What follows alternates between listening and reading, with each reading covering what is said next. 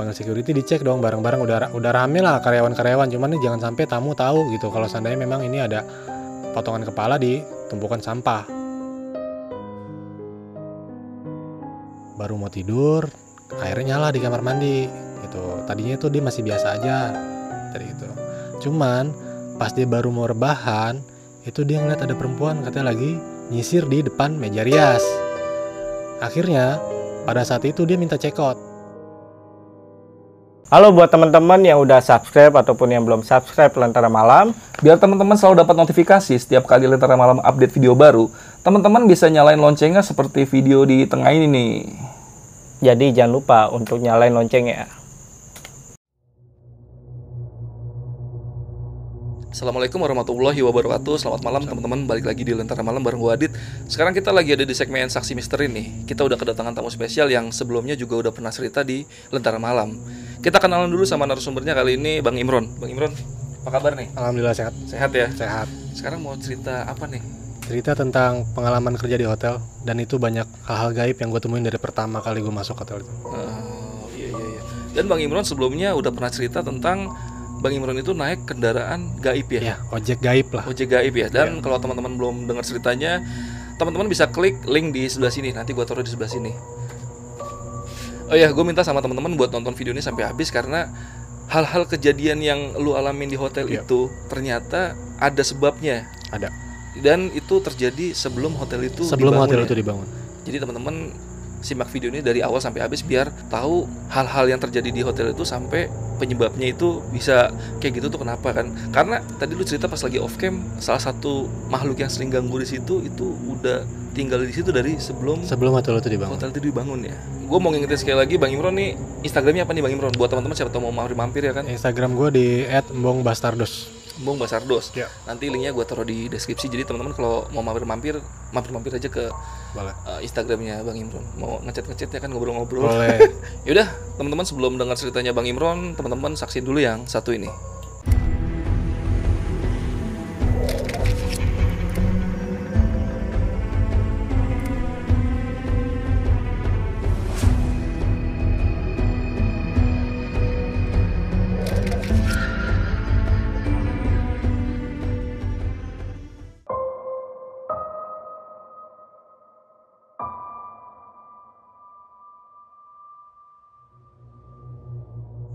Selamat malam, Assalamualaikum. Nama gue Imron.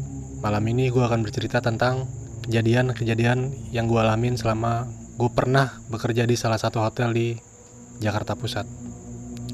Waktu itu tahun 2009 Ketika pertama kali gue dapet interview di salah satu hotel di Jakarta Pusat. Salah satu hotel bintang 3 yang mungkin gedungnya walau baru tapi arsiteknya terlihat agak tua. Dimulai dari kita nanjak ke depan itu ada salah satu pancuran air yang kesannya memang udah mistis.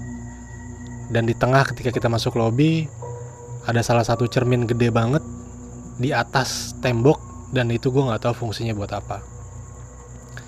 Singkat cerita, gue interview di situ dan diberitahu bahwa gue harus siap mulai kerja di keesokan harinya. Dikasih tahu bahwa besok gue masuk pagi, gue bekerja waktu itu pertama kali masuk itu adalah sebagai waiters masuk pagi hari pertama biasa perkenalan dengan teman-teman dengan staff-staff lain seperti biasa dan gue diajarin apa dan gimana cara jadi waiters. Padahal sebelumnya gue juga udah pernah kerja di cafe seminggu pertama gue kerja di situ nggak ada masalah. Karena waktu itu gue masuk pagi terus dan gue nggak ngerasain hal-hal yang memang kata orang-orang kan kalau lo kerja di hotel lo harus tahu dan lo harus ngalamin ketika lo sip malam atau lo sip sore. Minggu ke depannya gue kebagian sip sore. Di situ gue udah sedikit ngalamin hal-hal yang ibaratnya kayak perkenalan. Karena sebelumnya dari senior gue sempat bilang nanti kalau lo masuk malam atau lo masuk sore jangan kaget. Salah satu senior gue waktu itu namanya Bang Ale. Dia bilang gue sama, sama gue kayak gitu jangan kaget kalau lo masuk sore atau malam. Cuman gue masih belum ngerti maksudnya apa. Waktu masuk sore ada orderan dikasih tahu kalau nanti ada orderan lihat nomor teleponnya dari kamar berapa lo catet kemudian lo kasih ke kitchen udah.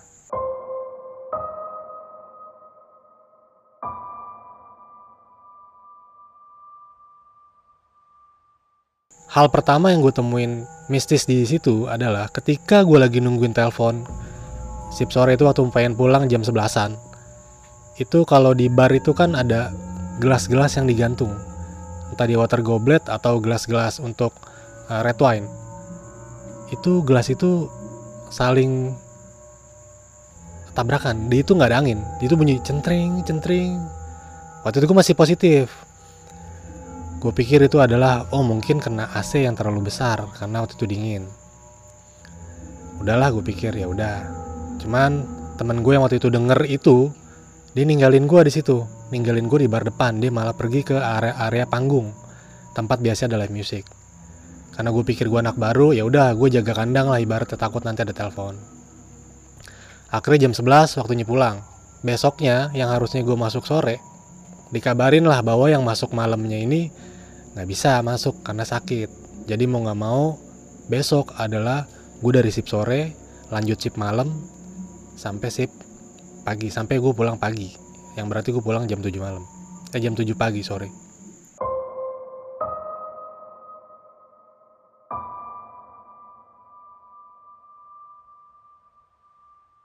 jam 3 sore gue datang seperti biasa prepare. Waktu itu ada acara dinner. Gue prepare biasa.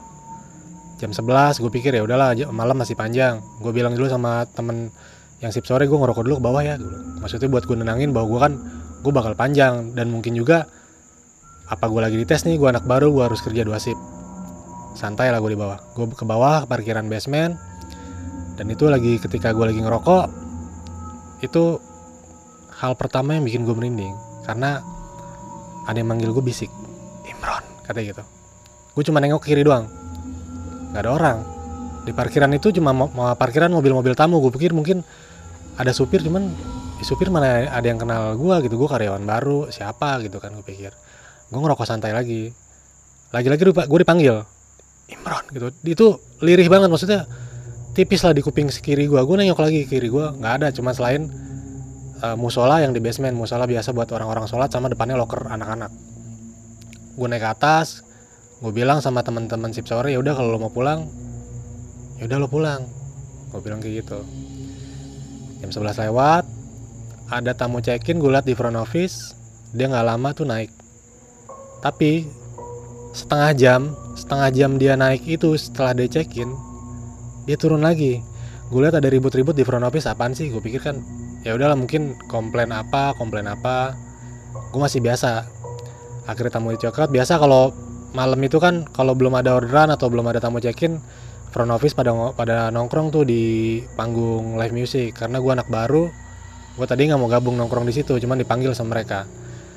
Ketika nongkrong di situ denger gue cerita pelan-pelan kan. Nah anak-anak front office nih pada cerita itu tamu yang tadi baru check-in minta check-out terus temennya nanya kenapa sih itu dia minta check-out gitu gitu. Itu pertama waktu dia baru mau tidur airnya nyala di kamar mandi. Itu tadinya itu dia masih biasa aja tadi itu cuman pas dia baru mau rebahan itu dia ngeliat ada perempuan katanya lagi nyisir di depan meja rias. Akhirnya pada saat itu dia minta check out minta check out lah di front office. Dia tempat ngotot bahwa minta balikin uangnya kan nggak bisa kan udah masuk. Ya udah nggak bisa dibalikin bahwa uang itu udah masuk. Udah lo udah bayar lo udah masuk kamar ya udah nggak bisa balik. Ya udah akhirnya debat debat debat tamu cabut lah. Nggak lama dari situ tiba-tiba telepon di restoran bunyi. Gue angkat gue cuma lihat kalau lo di kerja di hotel pasti teman-teman kerja di hotel tahu. Jadi tiap ada yang order atau ada yang telepon ke bagian restoran atau front office itu ada nomor kamarnya. Waktu itu gue lihat kamar itu 705 dia pesan ini perempuan. Mas saya pesan ya nasi goreng sama telur sama sate. Terus gue bilang bu mohon maaf nggak ada sate. Kalaupun ada sate cuma ada biasa dua tusuk itu di nasi goreng salah satu nama hotel gue karena uh, nasi goreng ini spesial lah. Di, jadi nyangkutin uh, bawa nama nasi goreng hotel tersebut. Kata dia ya udah nggak apa-apa mas. Gitu. Udahlah gue tulis. Jadi kalau dari dari restoran mau ke kitchen itu lo harus ngelewatin kayak daerah pantry. Kalau ke kiri itu lo ke arah genset ke kanan baru lo masuk ke pintu kitchen. Gue ke sana gue taruh kertas orderan ke bagian kitchen ke chef untuk dibuat masak. Waktu itu kalau nggak salah jam satu kurangan. Naik ke atas namanya gue baru kerja di hotel gue nggak ada pikiran macem-macem. Bawa troli lah dengan masakan yang udah jadi ke lantai 7 waktu itu lantai 7 itu 7 sama 8 tuh baru selesai dibangun karena waktu itu cuma sampai lantai 6 udahlah gue naik ke atas bawa troli. Itu lantai 5 kebuka. Lantai 6 kebuka tapi nggak ada yang mencet. Lantai 7 kebuka. Gue keluar. Gue keluar kemudian gue belok kiri karena waktu itu posisi kamarnya adalah di belakang lift. Di pojok belakang lift. Gue ketok-ketok. Gue ketok-ketok nggak ada yang nyautin. Sampai standarnya kan lo tiga kali ngetok nggak ada yang nyautin ya udah lo kabarin ke front office bahwa ini di kamar ini mesen order nggak ada yang nyautin kan gitu. Ya udahlah gue pakai HT gue bilang tolong dicek dong tolong teleponin kamar ini soalnya gue telepon eh gue ketok-ketok nih nggak mau dibukain pintunya. Terus dia langsung nanya gue lo nggak salah? katanya. Lo nggak salah nganterin makanan? Enggak bang gue bilang gitu. Lo ngapain ke 705 705 tuh nggak ada tamunya. Terus gue bilang ada orang tadi nelpon kok di 705 gue bilang gitu kan nggak ada lo turun ke bawah lo nggak percaya lo lihat komputer kata dia gitu.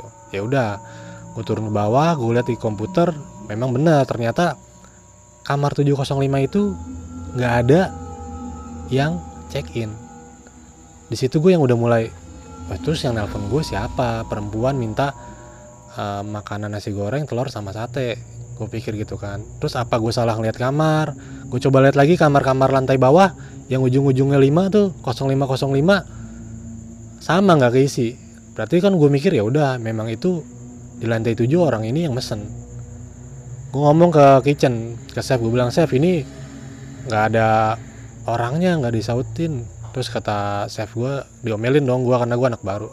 Kamu gimana? Itu kamu bener nggak tadi bahwa kamar itu ada yang mesen ada yang nelpon di kamar 705 terus gue bilang bener itu gue ada yang ada yang nelpon. Gue bilang gitu. Ada yang nelpon di situ gue yakin banget perempuan kok. Diminta nasi goreng pakai sate pakai telur. Berarti kan itu nasi goreng spesial hotel nama kita nih gue bilang gitu kan. Terus ini jadi gimana? Nggak ada yang makan. Lu kalau nanti atasan lo tahu lo biasanya lo dipotong gaji apalagi lo anak baru kata dia gitu kan. Terus gue bilang yaudah minta tolong gimana caranya lah biar gue juga nggak gue kan anak baru gue nggak enak. Gue bilang gitu. Ya udahlah disimpan dulu aja barangkali nanti dia nelpon lagi katanya gitu udah gue duduk lagi di bar. Gue nimbrung lagi sama teman-teman yang pada nongkrong di uh, panggung uh, musik. Mulailah dia ngomong-ngomongin hal-hal bercanda-bercanda gaib gitu kan cerita wah nanti, nanti biasanya anak baru di sini suka itu tuh ada perkenalan perkenalan kata dia gitu. Sambil ketawa-ketawa ya gue pikir kan penasaran dong gue bilang perkenalan apaan sih bang? Ya udah ntar lu juga ada perkenalan kata dia gitu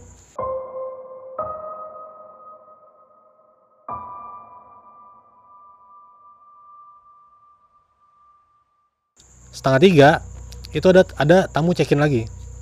Ada tamu check-in waktu itu masuk kamar dan nggak lama itu sama halnya serupa dia minta check out dan ngalamin hal yang sama seperti tamu sebelumnya.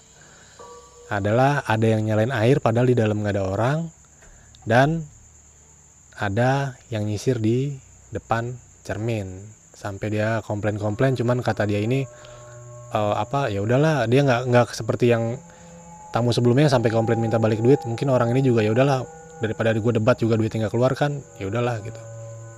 Udah denger lagi hal-hal kayak gitu gue tambah ini apa gue karena gue anak baru jadi gue ditunjukin hal kayak gini kah atau apa? Nah udah tuh gue duduk dong. Gue duduk lagi balik ke restoran karena ada telepon lagi waktu itu. Telepon lagi di kamar yang sama nanyain orderannya. Orderan saya mana mas? Itu nadanya nada yang sama nanyain orderan dia.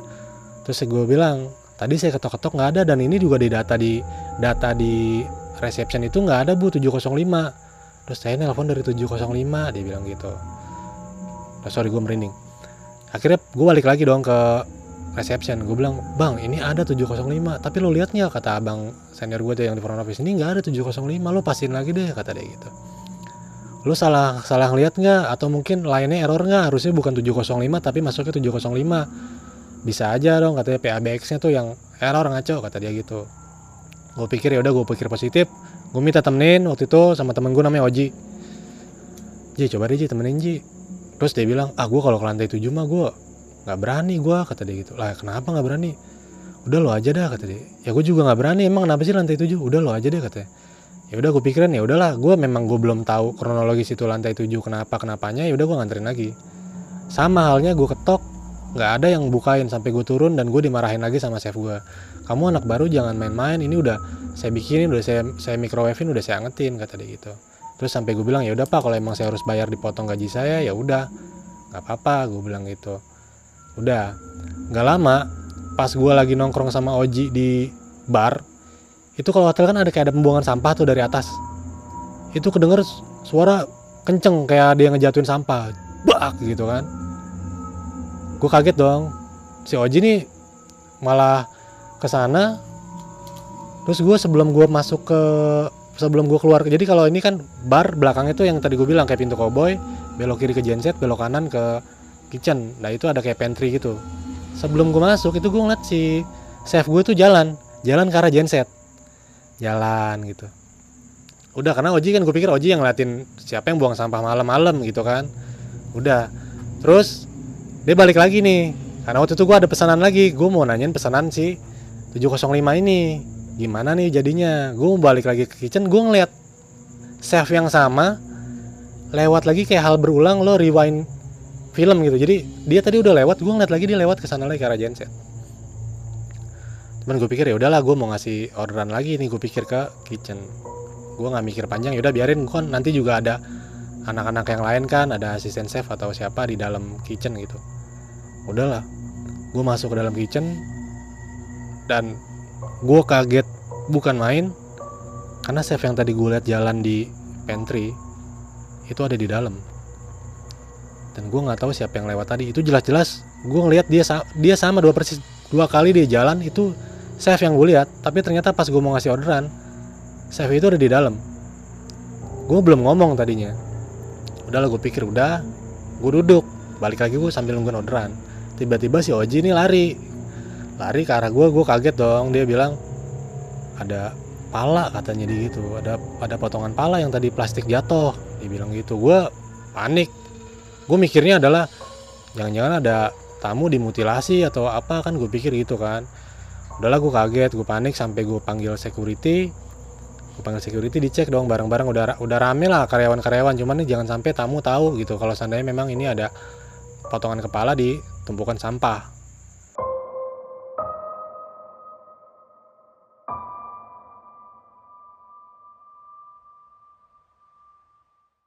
Dengan Oji yang mukanya itu udah pucat banget. Dan gue juga udah takut banget apalagi tuh gue baru di situ kan. Gue turun ke bawah dibuka di tempat sampah itu dan itu itu nggak ada kepala. Itu cuma sampah biasa dan itu nggak ada nggak ada kepala sama sekali lah ibaratnya. Bener-bener nggak ada kepala. Gue pikir teror itu bakal selesai di situ tadinya. Keesokan harinya dengan shift yang sama gue harus masuk malam karena nggak mungkin gue dari sore pulang pagi gue jumping lagi ke sore nggak mungkin. Akhirnya gue dikasih shift malam lagi. Waktu itu ada salah satu kosleting yang bikin asap itu ngebul sampai ke lantai atas. Tiba-tiba nih ada tamu turun ke bawah. Dia bilang mas itu yang di lantai 7 tadi ada perempuan saya suruh turun. Dia ngomong itu asapnya udah bahaya banget. Dia bilang gitu.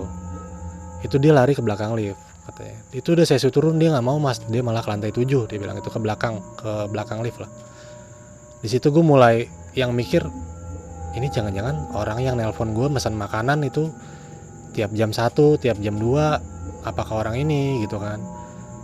Udahlah gue gua tadi nggak curiga sama security dong gue ngobrol. Pak itu tolong pak yang ada tamu ngelapor bahwa masih ada tamu di lantai atas yang harus dievakuasi di lantai 7 kata tamu nih dia la- lari ke belakang lift dia malah lari ke arah belakang lift jalan. Yang bener loh kata dia gitu. Ya udah kita ke sana Eh, dia ke atas security ke atas dia turun lagi ke bawah gue diomelin. Dia bilang nggak ada orang. Terakhir tamu yang turun itu tamu bapak-bapak yang tadi ngomong ke gue ada perempuan. Ditanya ke bapak-bapak itu kan pak bener nggak tadi ngeliat? Iya bener ada perempuan. Itu pakai baju merah lari ke belakang situ. Dia bilang gitu perempuan itu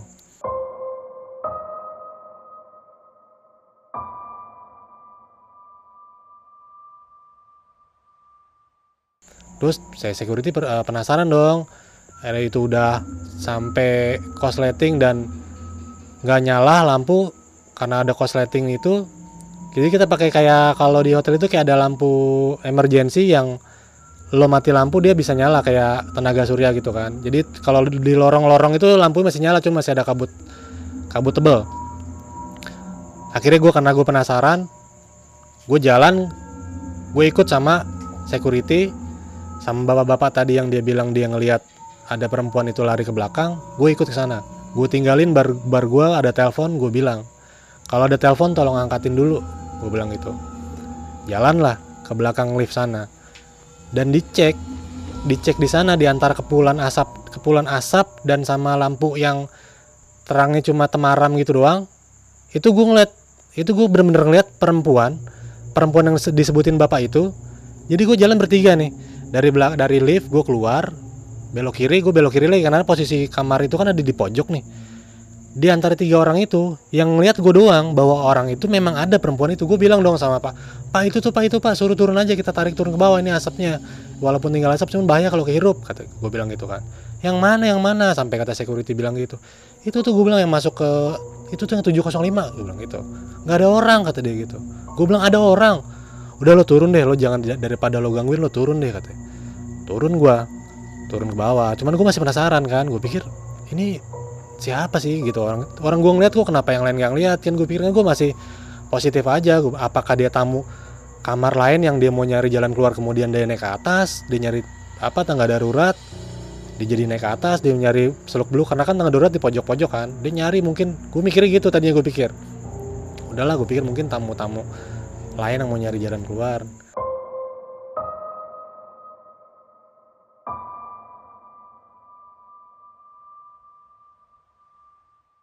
Besokannya sama. Gue masih masuk sip malam. Dari rumah tuh gue udah bilang dalam hati gue gue apes banget kayak tiap masuk malam gue akan nemuin kejadian-kejadian aneh. Tiba-tiba gue ingat omongan salah satu senior gue kan bang Ale kan. Nanti juga lo tahu kalau ada yang kenalan kata gitu apa mungkin ini maksudnya cara perkenalan dari penunggu-penunggu sini kah atau apa? Gue pikir gitu. Dan pada malam itu dengan jam yang sama dengan telepon yang sama gue lihat ada nelpon dari 705 gue nggak berani ngangkat. Gue nggak berani ngangkat sama sekali. Karena gue takut adalah kejadian hal yang sama. Ketika gue nggak angkat tiba-tiba gue ditelepon lagi sama front office gue diomelin. Itu kenapa lo udah tamu nelpon lo nggak angkat sampai nelpon ke gue ke front office ke mana dia nanyain orang restorannya. Gue bilang gue takut kayak kemarin bang. Gue angkat dia mesen orangnya nggak ada. Ini beneran ada tamunya sekarang dia bilang gitu. Ini beneran ada tamunya sekarang. Kalau nggak percaya lo ke sini aja. Gue cek oh memang bener ada tamunya. Ya udahlah gue pesen dia mesen tuh dia mesen apa eh, nasi goreng sama persis seperti yang cewek sebelumnya tuh pesen. Gue bilang ke chef belakang gue dia bilang lo nggak salah lagi kan nih kamar dari yang kemarin lo permasalahin nih dia pesen. Gue bilang sekarang beneran nih soalnya ini ada di dari reception juga nih ada data kamar check innya dia bilang gitu. Udahlah gue naik ke atas. Ketika gue lantai 7 aura-aura udah mulai yang gak enak. Gue masih inget kayak bau-bau sangit kebakaran kemarin. Gue masuk. Sebelum gue masuk itu gue lihat perempuan yang gue bilang pakai baju merah itu masuk dong ke 705 wah berarti bener nih gue pikirkan tamu-tamu itu. Udah gue ketok. Alhamdulillah dibukain. Kata dia masuk aja mas. Gue masuk dalam. Yang bikin gue kaget adalah di dalam itu cuma ada satu laki-laki dan gak ada perempuan yang gue lihat masuk ke dalam kamar itu. Di situ gue yang langsung itu yang gue lihat orangnya ke mana? Sampai gue penasaran apa mungkin di kamar mandi? Gitu kan. Nah, gue speak speak lah gue bilang sendiri pak. Iya lapar saya sendiri. Gitu. Besok ada apa perjalanan dinas ke kementerian ini gitu? Oh nggak ditemenin istri? Enggak saya sendiri mas katanya. Loh, di situ gue yang udah mulai ini siapa yang gue lihat? Gitu kan. Udah gue turun ke bawah. Turun ke bawah gue nemuin kejadian seperti hal yang pertama kali gue masuk di hotel ini ketika gue sip sore. Jadi itu gelas yang dia mulai beradu kentreng kentreng sampai suara yang dia kayak orang jatuh kenceng banget di pantry. Buk gitu. Kenceng banget buk buk gitu. Gue ke belakang gue liat nggak ada orang. Di situ gue yang udah mulai serem. Udahlah gue pikir udah lah mati. Ya udah di sini niat gue mau kerja. Eh, jangan gangguin gue gue cuma pengen nyari rezeki di sini doang. Gue bilang gitu.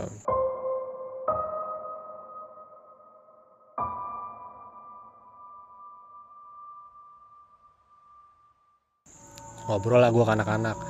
Bang emang kalau yang dimaksudnya perkenalan-perkenalan itu apaan sih sama anak baru disebutin lah. Lo habis ketemu Murni ya? Kata dia gitu. Murni siapa ya bang? Udah ntar lo juga tahu katanya dikasih tahu lah lo ngobrol aja sama tukang sate atau enggak tukang rujak di depan kata dia gitu. Penasaran gue dong penasaran. Dapat libur habis dapat jatah libur gue besokannya memang kebetulan dikasih si pagi. Si pagi kebetulan pas makan siang. Kan gue kalau di hotel nih dapat makan gue bisa makan di kitchen. Cuman karena gue saking penasarannya ah gue gue nggak mau makan di kitchen ah gue mau makan di tukang sate aja. Karena dari senior gue kemarin bilang ntar lo juga tahu. Tanya aja tukang sate tukang rujak kata dia gitu.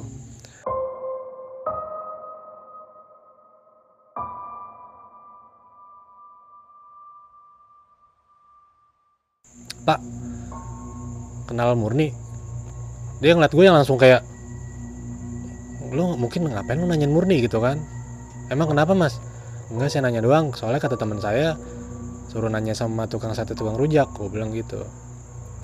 Terus gue nanya emang Murni siapa pak? Nanti aja deh mas saya ceritanya. Saya ngelayanin dulu saya bikinin sate dulu aja kata dia gitu. Udah selesai gue coba mau ngobrol lagi sama tukang sate itu. Gue liat udah udah waktunya gue balik. Maksudnya gue udah waktu istirahat gue udah selesai nih gue harus balik.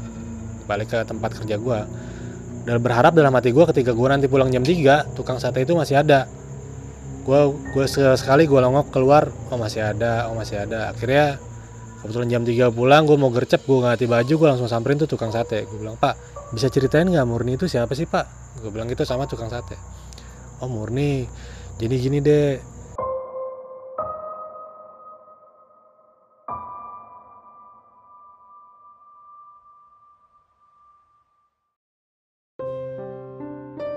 ditelepon lagi lah sama tamu yang meninggal di lantai 2 berinding banget gitu cuma dalam gue cuma bilang mbak tolong jangan ganggu saya saya di sini cuma pengen kerja gue bilang gitu.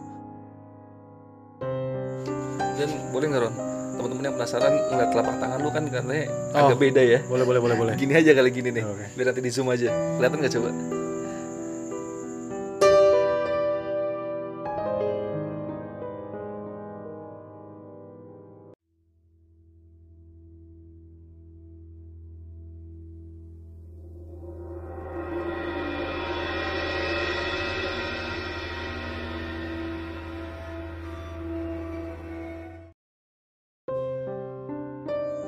Ditelepon lagi lah sama tamu yang meninggal di lantai 2 berinding banget gitu cuma dalam gue cuma bilang mbak tolong jangan ganggu saya saya di sini cuma pengen kerja gue bilang gitu. Dan boleh nggak Ron? Teman-teman yang penasaran ngeliat telapak tangan lu kan katanya Oh. agak beda ya. boleh boleh boleh boleh Gini aja kali gini nih. Oke. Biar nanti di zoom aja. Kelihatan nggak coba?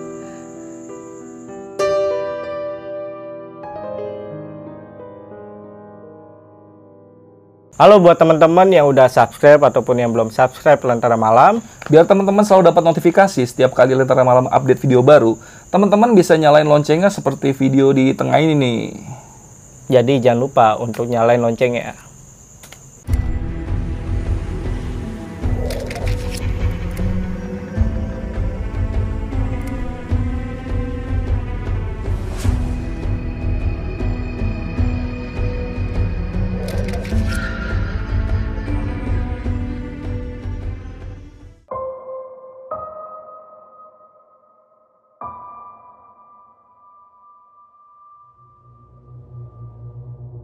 Jam 3 pulang gue mau gercep gue ganti baju gue langsung samperin tuh tukang sate. Gue bilang pak bisa ceritain nggak Murni itu siapa sih pak? Gue bilang gitu sama tukang sate. Oh Murni. Jadi gini deh ini sebelum hotel ini dibangun ini nih tadinya nih eh, rawa tambak udang kata dia gitu. Terus nah ada namanya perempuan di sini namanya Murni. Gitu kata tukang sate gitu kan. Emang kenapa mas? kata tukang sate.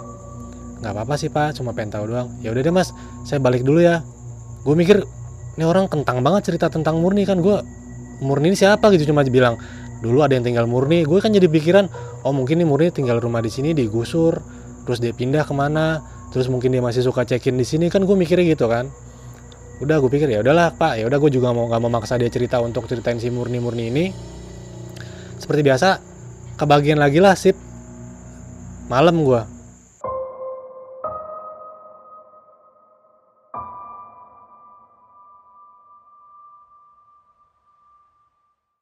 hal-hal yang gue males sebenarnya ke gue sampai gue waktu itu oh udahlah gue apa gue resign aja. Kalau gue tiap malam gue dikerjain kirim nih gue resign gue pikir gitu kan. Cuman lagi-lagi temen gue nenangin udah ntar lu juga biasa ntar lu juga biasa kata dia gitu. Ya udahlah gue coba gue biasa aja lah. Masuk malam ada telepon lagi. Telepon lagi dari 705 di jam yang sama. Setiap jam satu kurang itu pasti dia nelpon gue lihat dulu gue sampai di komputer FB tuh gue liat nggak ada kosong tapi ini nelpon. Gue angkat kali ini nggak ada nggak ada ngomong.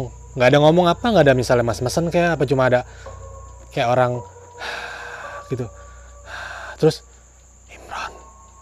Cuma kok nama gue tahu gitu kan apa anak-anak housekeeping lagi ngerjain gue? Cuman gue liat anak housekeeping aja kalau malam kalau nggak ada tamu yang request ngapa-ngapain pasti pada nongkrong di panggung gue liat. Gue matiin dong gue takut gue matiin aja uh, telepon gue cerita karena anak ada yang nelpon cuman manggil nama gue doang. Udah kenalan itu. Murni kenalan. Gue bilang murni siapa sih? Lu udah nanya tukang sate belum? Kata temen gue udah cuman jawabannya kentang tanggung gue bilang gitu. Ya udah ntar lu tanya lagi aja kata dia gitu.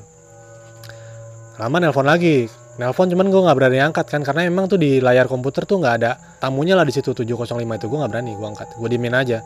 Gue diemin cuman semakin gue diemin kayak semakin gangguan tuh semakin uh, sering banget mulai suara kayak orang jatuh terus kayak kayak bilang tolong kayak gitu dari lantai. Jadi ini hotel gue bentuknya gini jadi kalau lo di lobby lo nengok ke atas tuh lowong jadi pinggiran gitu ya bentuknya ini.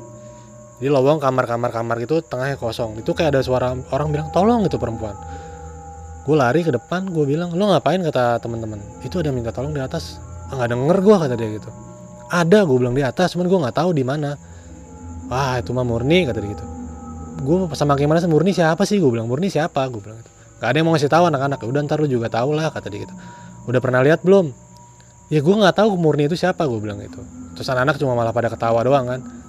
Semakin penasaran gue besok gue pulang pagi gue tungguin sampai tukang sate itu datang harusnya gue pulang jam 7 gue bela-belain tukang sate itu datang jam 10 gue saking gue pengen ngobrolnya sama tuh, tuh si tukang sate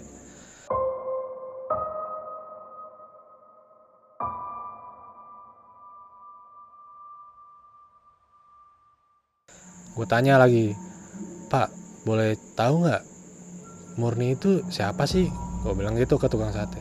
Nanti aja deh mas ceritanya. Saya mau jualan dulu katanya nggak saya penasaran pak gue bilang gitu kan. Gue saya penasaran? Murni ini siapa? Kan bapak bilang dulu tinggal di sini Murni. Terus bapak itu akhirnya cerita lah dulu di tambak udang ini ada e, rawa ini tambak udang kemudian ada pohon. Nah si Murni ini adalah salah satu perempuan yang gantung diri di pohon ini.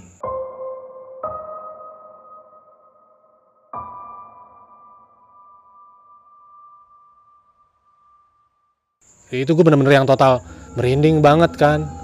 Di situ ditambahin lagi sama dia. Dia meninggalnya pakai baju merah mas. Dibilang itu gue yang langsung kepikiran, jangan-jangan yang gue lihat itu si Murni atau siapa. Gue langsung Pak seriusan Pak? Iya. Sampai sekarang juga masih tinggal di sini katanya gitu. Emang kenapa? Gue bilang gitu. Ya itu nggak ada yang tahu dia bunuh dirinya kenapa. Yang jelas dia gantung diri di pohon pakai baju merah. Dari situ akhirnya udahlah gue pikir ya udah gue biasa nih. Gue besok eh gue malam masih masuk malam lagi. Gue bilang ke anak-anak gue udah tahu si Murni siapa. Gue cerita nah kalau udah tahu ya udah lo biasa aja. Toh emang dia suka kayak gitu kata anak-anak gitu kan. Cuman impactnya gue sering banget salah satu teman nyeletuk lah. Seneng kali sama lo kata gitu. Makanya lo sering digangguin. Gue bilang ya amit-amit lah gue bilang gitu kan. Udahlah gue jagain seperti biasa. Lagi-lagi di 7.05 nih jam satu kurang. Pasti nelpon. Nelpon. Gue sampai nanya ke anak-anak yang sebelum gue ini sebenarnya kalau jam 15 eh setiap jam 1 7.05 ada ada nelpon kayak gini nggak sih? Gue tanya ke anak kan. Kata dia nggak ada. Soalnya tiap gue yang jaga nih 7.05 nelponin gue mulu. Gue bilang gitu ya udah mungkin dia seneng kali sama lo kata dia gitu kan. Gue bilang seneng kayak gimana? Gue gue nggak yang gimana gimana cuman karena rasa penasaran gue ya udah gue angkat. Mas pesan nasi goreng telur sama sate. Oh maksudnya nasi goreng ini ya? Gue bilang gitu. Ya cuman gue nggak gue nggak bilang ke kitchen. Gue nggak bilang ke kitchen. Gue cuma bilang gini doang. Kang ada yang pesen. Gue keluarin duit gue sendiri gue bayar di nanti biar masuk ke restoran gue yang bayar. Karena saking penasarannya gue. Biar dibikinin lah ibaratnya sama si chef. Sambil dibikinin gue dibikinin udah selesai itu nasi goreng gue taruh di depan 705 bodo amat feeling gue mau ada yang makan mau nggak bodo amat. Gue taruh di situ. Turun ke bawah. Telepon lagi. Mas makasih ya katanya. Makasih gue nggak nyautin nggak apa. Dia cuma bilang mas makasih ya. Udah gue tutup telepon. Gue diem itu gue diem. Gue nunggu maksudnya dia bakal nelpon gue lagi atau enggak gitu. Semenjak kejadian gue naro gue naro itu nasi goreng dia nggak ada yang namanya nelpon lagi semenjak kejadian itu.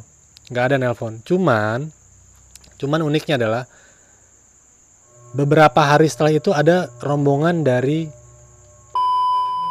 rombongan dari DPRD mana lah gitulah. Dari daerah-daerah-daerah sana mereka pesta minum kemudian overdose sampai dari hidung keluar darah kan. Sampai dari hidung keluar darah datang polisi dibikin polis line udah di situ jaga malam lagi gua ceritanya.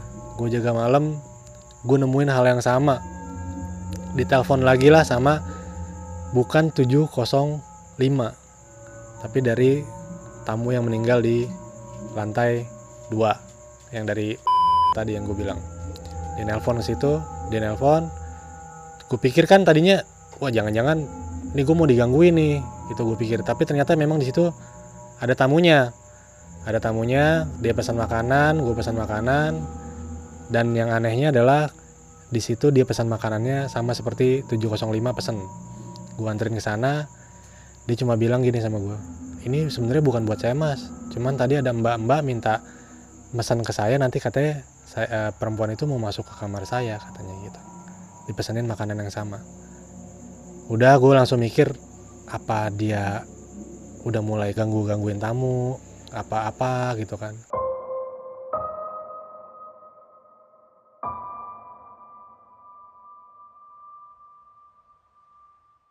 Dan akhirnya tuh jam sekitar jam 2 lewat dari 705 nih nelpon. Gue coba angkat maksudnya kalau emang lo pengen berinteraksi sama gue dengan pengen lo ceritain mungkin ini orang mau cerita gitu kan dia lagi-lagi cuma bilang "Ah, makasih mas gitu. Udahlah gue pikir ya gue nggak bisa jawab apa-apa. Cuman pada malam itu malam yang nggak bakal gue lupain karena itu interaksinya bener-bener sampai mau subuh. Dan ada yang minta tolong lagi ada yang suara orang nangis cuman yang denger tuh bukan apa bukan teman gue cuma gue doang gitu. Gue nanya lagi "Ah, lo denger nggak? Nggak denger gitu. Gue sesekali gue ngeliat di teng gue jalan ke tengah lobby gue ngeliat ke atas kan dari lantai berapa sih minta tolong gitu. Gue pikir apa dari dia kah atau dari mana? Udah gue diemin lagi cuman nggak tahu kenapa gue di situ kayak yang ya udah lo coba aja ke 705 gitu. Kali pengen nyampein sesuatu atau apa gitu. Feeling feeling gue tuh kayak ada yang udah lo kesono aja gitu kata dalam dalam feeling gue tuh. Cuman gue nggak berani karena gue gue kesono ntar tiba-tiba ke sana ternyata mukanya kayak gimana gimana gue parno juga kan gitu udah. Anak-anak tidur nih biasa nih kalau jam jam jam jam setengah tiga nih udah mulai jam tigaan nih udah mulai tamu-tamu jarang yang check in kan. Paling cek cekot cekot nanti jam-jam 6 gitu yang pada mau breakfast. Anak-anak pada tidur cuman karena gua nggak tenang ya udah gua biasa aja. Jadi gua cuma jagain telepon. Nah di restoran di restoran ini tempat orang-orang breakfast itu ada satu smoking room. Smoking room terus dengan backgroundnya itu hutan-hutan pinus hutan-hutan pinus. Di situ gue dengar ada suara manggil mas order. Gitu. Gue pikir wih lumayan nih gue nggak nggak munafik juga lumayan kalau dapet tip ada tamu jam segini mesen kan. Santai lah gue pikir kan. Gue ke ruang itu dong ke ruang smoking itu gak ada orang. Gue langsung mikir jangan-jangan si murni. Terus dalam hati gue bilang ya udah kalau emang ada yang pengen lo sampein ada yang pengen lo omongin ya udah ngomong aja di sini gitu. Ngomong aja gitu. Pas gue jalan mau balik lagi ke tempat restoran manggil lagi mas gitu. dan itu gue lihat jadi kan besinya itu besi kalau yang di smoking room itu kan besi apa kursi besi terus kaca meja meja kaca. Ya gue lihat dia ada duduk di situ. Gue pengen ini cewek yang gue lihat di lantai 7 apakah mungkin ini yang disebut murni cuman ngebelakangin ngebelakangin gue doang. Gue agak-agak jiper juga gitu. Maksudnya ntar gue samperin gue ngejerit anak-anak di situ pada bangun. Ternyata pas dilihat nggak ada siapa-siapa gue juga parno kan gue malu. Gue santai gue buka kaca. Itu gue yang apa yang gue bener-bener udah gemeteran udah berinding banget gitu. Cuma dalam gue cuma bilang mbak tolong jangan ganggu saya. Saya di sini cuma pengen kerja gue bilang gitu dia masih ngebelakangin gue tuh masih ngebelakangin gue dan dia nengok itu mukanya muka mukanya mukanya nggak biasa aja muka cuman mukanya pucat cantik lah ibaratnya kayak orang-orang cantik dia nengok dia cuma bilang makasih mas. Dia cuma bilang gitu doang. Udah gue di situ langsung ke jalan gue cepat-cepat banget lah cepat-cepat gue gue mau nengok gini-gini lagi itu udah nggak ada. Gue cerita lah ke teman-teman gue gue bangunin. Bang bang tadi ada yang itu itu namanya murni bukan sih? Yang gue bilang yang pakai baju merah. Cewek cakep bang gue bilang gitu. Demen kali sama lo. Jawabannya lagi-lagi sama kayak gitu. Demen kali sama lo. Udahlah. Nah karena gue penasaran besok paginya kayak ini si tukang sate ini cerita belum belum lengkap. Maksudnya belum yang apa sih dia benar-benar nunjukin lo si Murni ini kenapa awalnya kenapa dia bisa suicide bisa bunuh diri. Dia dia nggak dia nggak ngomong. Sampai akhirnya gue yaudah lo gue tungguin tukang sate. Gue kapan sih bang lo bisa bisa lo ceritain tentang si Murni ini sampai real sampai bener-bener clear gitu? Jadi gue nggak ngerasa digangguin terus karena gue ngegantung gitu. Apa mungkin ada yang pengen disampaikan ke gua atau ke gimana?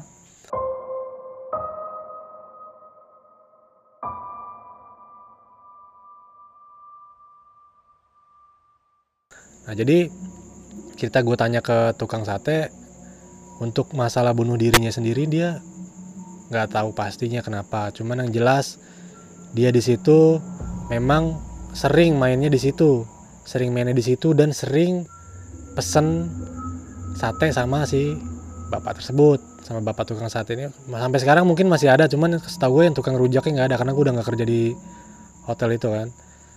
Udah dapat jawaban jawaban dari situ bahwa oh ternyata si Murni ini memang dia suka makan sate sebelum dia suicide bunuh diri di pohon itu. Dari tahun berapa lah ibarat itu. Emang udah tua lah. Itu kan hotel itu dibangun 2007 atau 2000 berapa. Nah sebelum itu rawa dan bapak-bapak itu lebih tahu kronologisnya di sekitaran situ lah. Ngobrol sama anak-anak.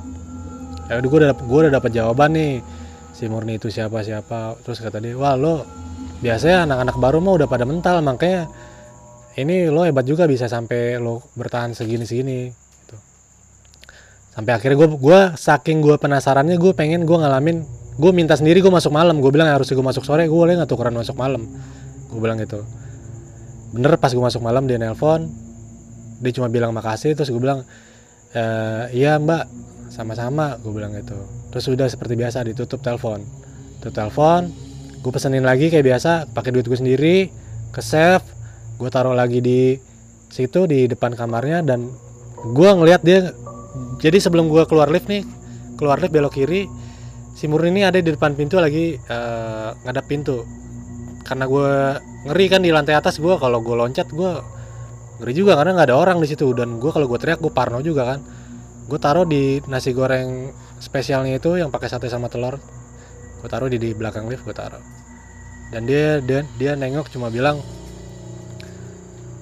bahwa dia meninggal tuh karena laki-laki yang ninggalin dia katanya namanya sama kayak gue sejak kejadian itu gue udah naruh itu gue yang ya udah gue pikir ya udah mungkin ini cara cara berkenalan cara berkenalan dia. Dan gue selalu kalau gue mau ini gue selalu baca gue selalu doain dia. Seminggu mungkin tadi masih suka nelpon sampai akhirnya dia nggak pernah gangguin gue lagi dan gue tahu kenapa dia bisa bunuh diri dan itu menurut gue sebuah pesan yang pengen dia sampaikan gitu. Sebuah pesan yang pengen dia sampaikan cuman nggak pernah nggak pernah tersampaikan karena orang tukang sate juga nggak tahu dia dia bunuh diri kenapa. Dia cuma bilang bahwa namanya sama kayak gue gue nggak tahu cuman dia kenapa bunuh diri dan gue juga jadi parno apakah si cowok ini nyia-nyiain dia atau gimana gue jadi ngerasa keganggu. Cuman ya gue pikir positifnya adalah ya udah mungkin namanya sama mungkin permintaan dia ketika mau meninggal mungkin juga sama mungkin berantem kah sama si cowok ini sebelum sebelum apa akhirnya dia mundur diri mungkin ada hal-hal lain. Dan itu hal mistis sampai sekarang. Dan setahu gue sampai sekarang sosok murni ini masih suka nampakin diri di lantai 7 dan itu lebih ke karyawan dan kadang beberapa tamu. Itu aja cerita dari gua. Semoga pengalaman gua kerja di hotel dan pasti teman-teman yang kerja di hotel pernah ngalamin hal yang serupa namanya hal mistis seperti ini adalah hal hal yang lumrah kalau teman-teman yang udah lama kerja di hotel mungkin baru-baru kaget. Tapi pesan moralnya adalah bahwa sesuatu yang kita nggak tahu sesuatu yang kita tadinya kita benar-benar buta sampai kita tahu penyebabnya kenapa dan seenggaknya dia nggak nggak ngegangguin kita lagi dan ya udah doain aja yang terbaik buat siapa pun itu yang pernah sosok-sosok yang pernah kita lihat biar dia tenang di sana dan gak gangguin siapa pun. Sekian cerita dari gua. Assalamualaikum warahmatullahi wabarakatuh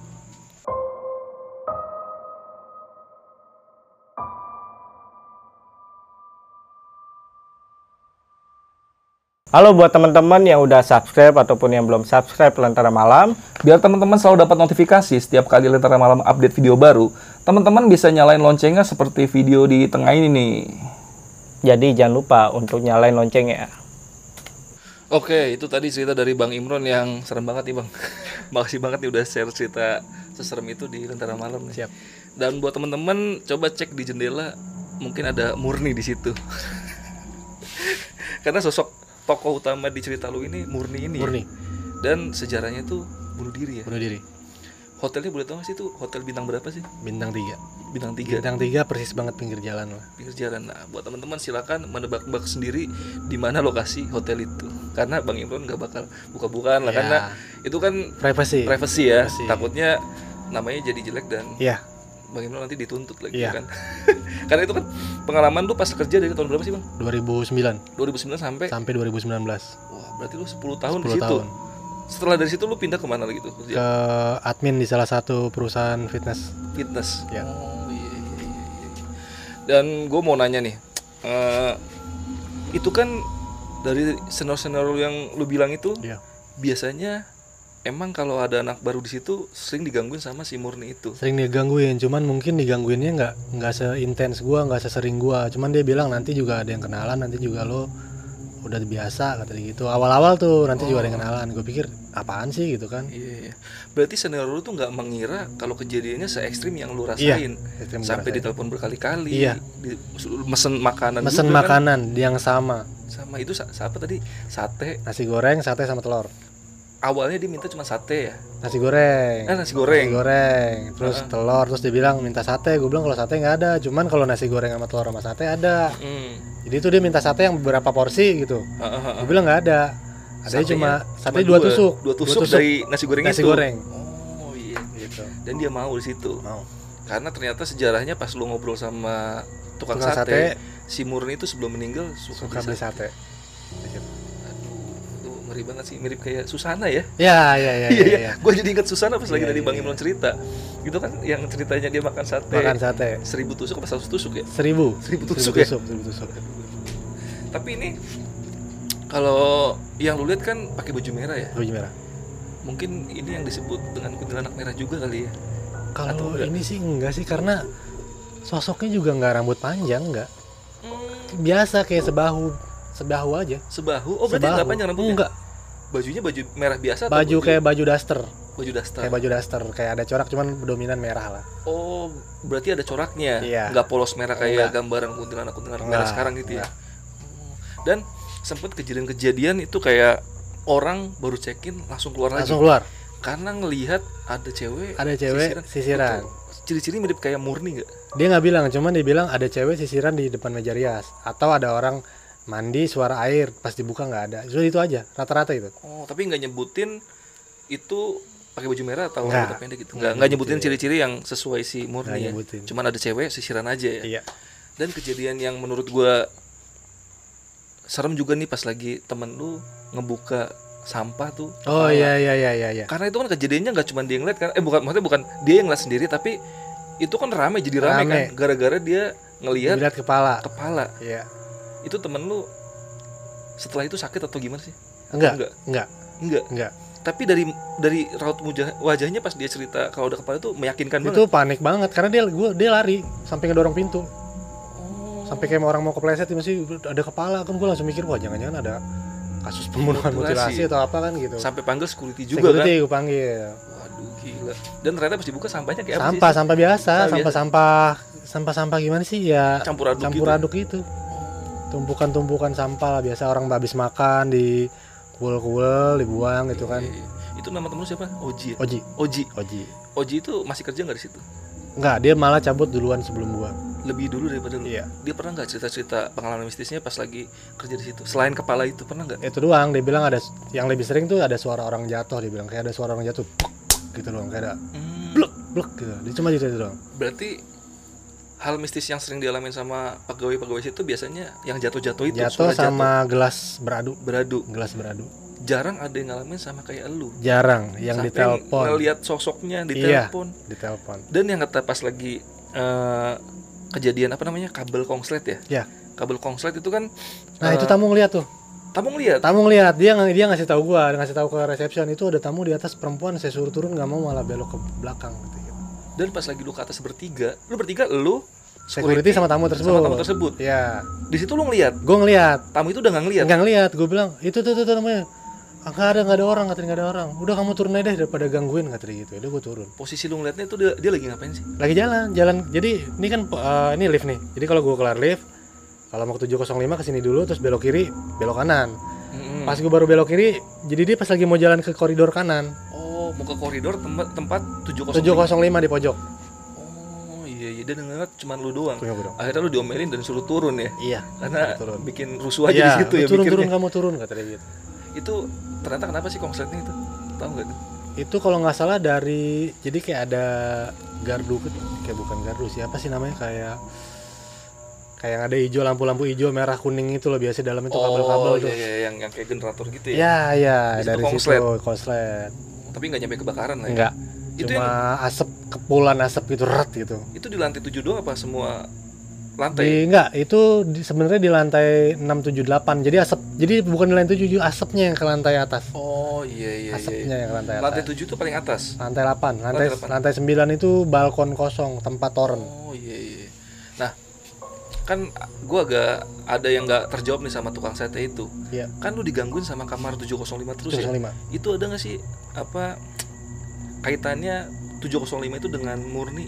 Sampai sekarang gue nggak pernah tahu kaitan 705 sama murni itu apa. Tapi yang jelas kalau nelpon itu selalu 705 selalu 705 selalu 705 tapi kamar itu dibuka seperti biasa maksudnya? Seperti biasa. Nggak dispesialin kayak Enggak. di apa yang hotel Eh, di, yang di hotel samudra Sol di Elite Marbella gitu kan Iya. enggak hotel yang di mana itu yang di Pelabuhan Ratu Pelabuhan Ratu enggak kan disegel tuh kan akhirnya kalau situ enggak Enggak. berarti sering juga ada yang sering kepake jadi misalnya ada rombongan kan memang rata-rata tamu pemerintahan Mm, mm, mm. jadi kalau ada tamu pemerintahan itu kadang sampai lantai 8 full kepake kepake semua Oh, ya dibiasa aja iya, iya. dijual biasa Iya iya.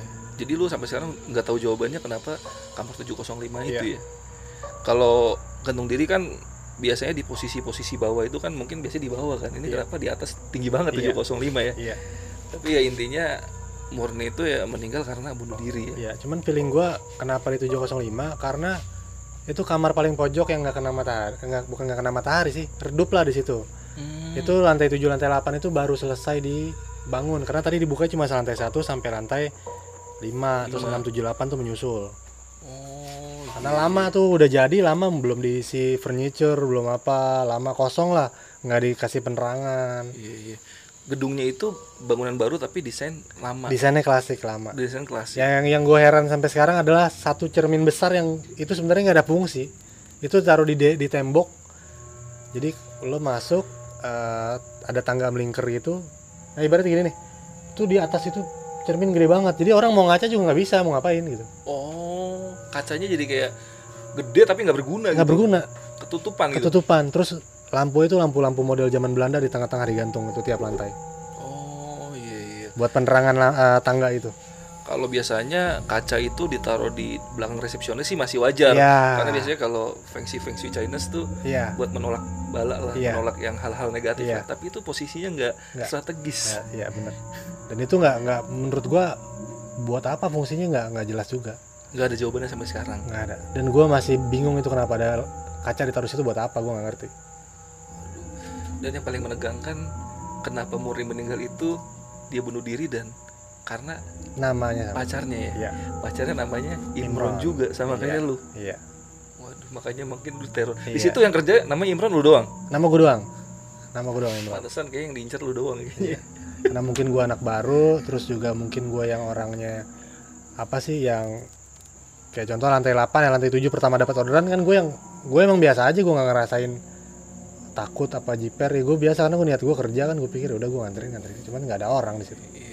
Dan gangguan itu mulai mereda setelah lu punya inisiatif buat beliin makanan beliin makanan gue bayar pakai duit gue sendiri. Dan lu taruh cuma di gue depan taruh kamar ya? depan ke pintu kamar. Itu lu taruh di bawah gitu? Di bawah depan pintu. Itu ada yang makan nggak? Nggak ada sampai pagi nggak ada yang makan. Sampai pagi nggak ada yang ada yang makan? sampai besokannya sampai gue anak pagi clear up kan ada clear up tuh biasa kalau habis makan tamu wajib lah clear up muter tiap lantai. Nanya ini nggak ada yang makan nih tadi di depan 705 gitu dicek di apa gas gas list nggak ada. Iya, cuman anak nanya gue cuma biar kan dilihat tuh order by siapa? Lu ini order siapa lo taruh di situ? Gitu. Iya, iya, ngapain iya. terus? Ya ada yang mesen gue bikin gitu aja. Dan gangguannya mulai mereda ya. Iya. dan satu lagi pas di smoking room. Ya smoking room. Itu bener-bener lu ditampakin Ditampakin dia sosoknya dia. Iya duduk. Sosoknya dia itu madep belakang nge ngebelakangin gua. Awalnya ngebelakangin kan? Ngebelakangin terus dia nengok bilang makasih. lu samperin dan dia ngomong iya makasih. bilang makasih. Itu gue yang udah buka pintu kan tuh pintu pintu kaca atau smoking room itu gue yang udah wah merinding banget lah gitu. Gue berani beraniin aja cuman kalau gue pikir kan ya mungkin ada sesuatu yang pengen disampaikan gue nggak tahu. Ya udah gue beraniin aja. Iya iya iya iya. Dan jawabannya itu yang bunuh diri itu keluar dari mulutnya Mirna sendiri ya. Iya. Bunuh diri yang gara-gara cowoknya gara-gara cowoknya. Tukang sate itu pun nggak tahu ya? Nggak tahu. Dia cuma bilang taunya bunuh diri di pohon gitu doang. Iya. teman-teman yang lain nggak tahu juga nggak sejarahnya. tahu. Berarti bener-bener lu doang yang tahu sejarah murni itu. Iya. Gila sih emang itu ibaratnya interaksi yang ibaratnya face to face dan Iya. lu benar-benar ngeliat sosoknya gitu. Iya. udah kayak orang beneran gitu. Bener kayak orang cuma nggak kan kalau orang mungkin cerita yang rambutnya panjang acak-acak. Ini enggak cuma bener lo pakai daster merah yang kayak ada corak-corak dikit rambut segini sebahu kayak orang biasa aja. Iya iya iya iya. jadi nggak ada yang tampakin gue kan tadi gue sempet mikir negatif nih kalau dia nengok gue takut mukanya kayak gimana kayak gimana. Ini enggak. Biasa aja. Biasa. Tapi agak pucet ya iya agak pucet agak pucet. Cantik. Cantik cantik. Lu masih kan nggak mukanya sampai sekarang? Masih. Masih ingat? Masih kalau ketemu di jalan gimana waduh amit amit. Jangan udah. Dan ini kalau gua pikir-pikir sih mungkin lu punya kayak kelebihan gitu kali ya. Seperti yang lu cerita di awal lu pertama kali cerita di sini tentang ojek gaib Oh, itu. ojek gaib. lu boleh cerita sedikit nggak? Kenapa lu bisa sesensitif, sesensitif ini sih? Ya sebenarnya gini sih. Jadi bisa dibilang buyut. Jadi tuh buyut gue gue pernah denger buyut gue tuh ngomong ke kakek bokap. Gue sambil tidur kedeng kedenger sekilas itu si Imron dijagain tuh dia garis tangannya beda. Gue cuma taunya gitu doang. Iya iya. Cuma tahu gitu doang. Terus pas semakin ke sini gue juga nggak nggak yang nggak yang apa kayak orang-orang mungkin kan yang bisa kata orang tuh indigo. Enggak gue nggak cuma bisa. Kadang kalau lagi ngerasain ya gue ngerasain kalau enggak ya enggak biasa aja. Berarti lu ngeliatnya nggak setiap saat ya? Nggak. cuman kadang-kadang lu bisa kadang gue cuma ngerasain misalnya kayak gue ke tempat baru nih. Mm-mm. Terus gue ngerasa yang kayak tadi waktu gue datang ke sini gue kan katanya masuk aja ke dalam. Mm-mm. gue masuk ke dalam. Gue nggak ngeliat di sebelah kiri gue apa cuman gue bilang tadi sama salah satu gue bilang itu ada kayu malang ya? Kayu malang. Kayu kayu yang malangin jalan. Heeh, heeh. Ta- terus kata dia bener itu bener di dalam situ ada kayu yang malangin jalan. Padahal gue nggak ngeliat gue cuma bilang itu ada kayu malang di sebelah kanan gue itu yang pressure-nya tuh sebelah jadi kalau lo masuk sebelah kanan tuh pressure yang panas wah, bisa ngerasain kayak gitu Iya. ya. dan itu nurun kayaknya ke anak ke anak lu juga kayak gitu. kayaknya nurun ke anak gua. Karena tadi pas off cam si Imron sempat cerita sama gua, anaknya sempat ngeliat sama dia bilangnya kakaknya kucing waktu Kakaknya gue kucing. perjalanan dari eh, Cibatok nganterin nyokap tengah malam jam setengah sebelas jadi lewatin pertengahan sawah yang ada kuburan di atas jadi anak gue bilang pak ada kakaknya kucing kita satu mobil tuh nggak ada yang lihat kakek kucing apa kecil. Enggak sebesar ini jadi sekap mobil lah. Hmm, gue kasih unjuk di Google dong. Ini kucingnya ini nih bukan bukan. Gue gue pikir jangan-jangan macan. Gue kasih unjuk ini. Iya iya ini ini gitu. Oh berarti dia ngeliat harimau. Hmm, iya, iya, iya. Dia ngeliat harimaunya lagi ngapain sih katanya? cuma dia nyebrang doang nyebrang terus nengok sebentar terus nyebrangin lagi ke arah yang kuburan itu. Kuburan tua kuburan di gitu atas ya? itu ya. Oh. jadi kuburannya banyak. Kuburannya banyak sih. kuburannya banyak. Dan boleh nggak Ron? Teman-teman yang penasaran ngeliat telapak tangan lu kan katanya Oh. agak beda ya. boleh boleh boleh boleh Gini aja kali gini nih. Oke. Biar nanti di zoom aja. Kelihatan nggak coba? Yaudah buat teman-teman kalau yang ngerti tentang garis tangan garis tangan boleh komen di bawah lah tangan Imron itu kenapa bisa kayak gitu karena bentuknya aneh ya nggak kayak biasa biasanya Iya, ya. kalau orang tebelah gue cuma lurus garis aja sampai Lurus ke pinggir garis. sampai ke pinggir bener-bener ke pinggir gitu ke sini Iya iya iya. Aneh banget sih itu jarang banget yang punya garis tangan kayak gitu karena biasanya rata-rata kan kayak gini doang kan Ya, biasa bentuk, aja kan. bentuk M Iya, iya. gitu kan.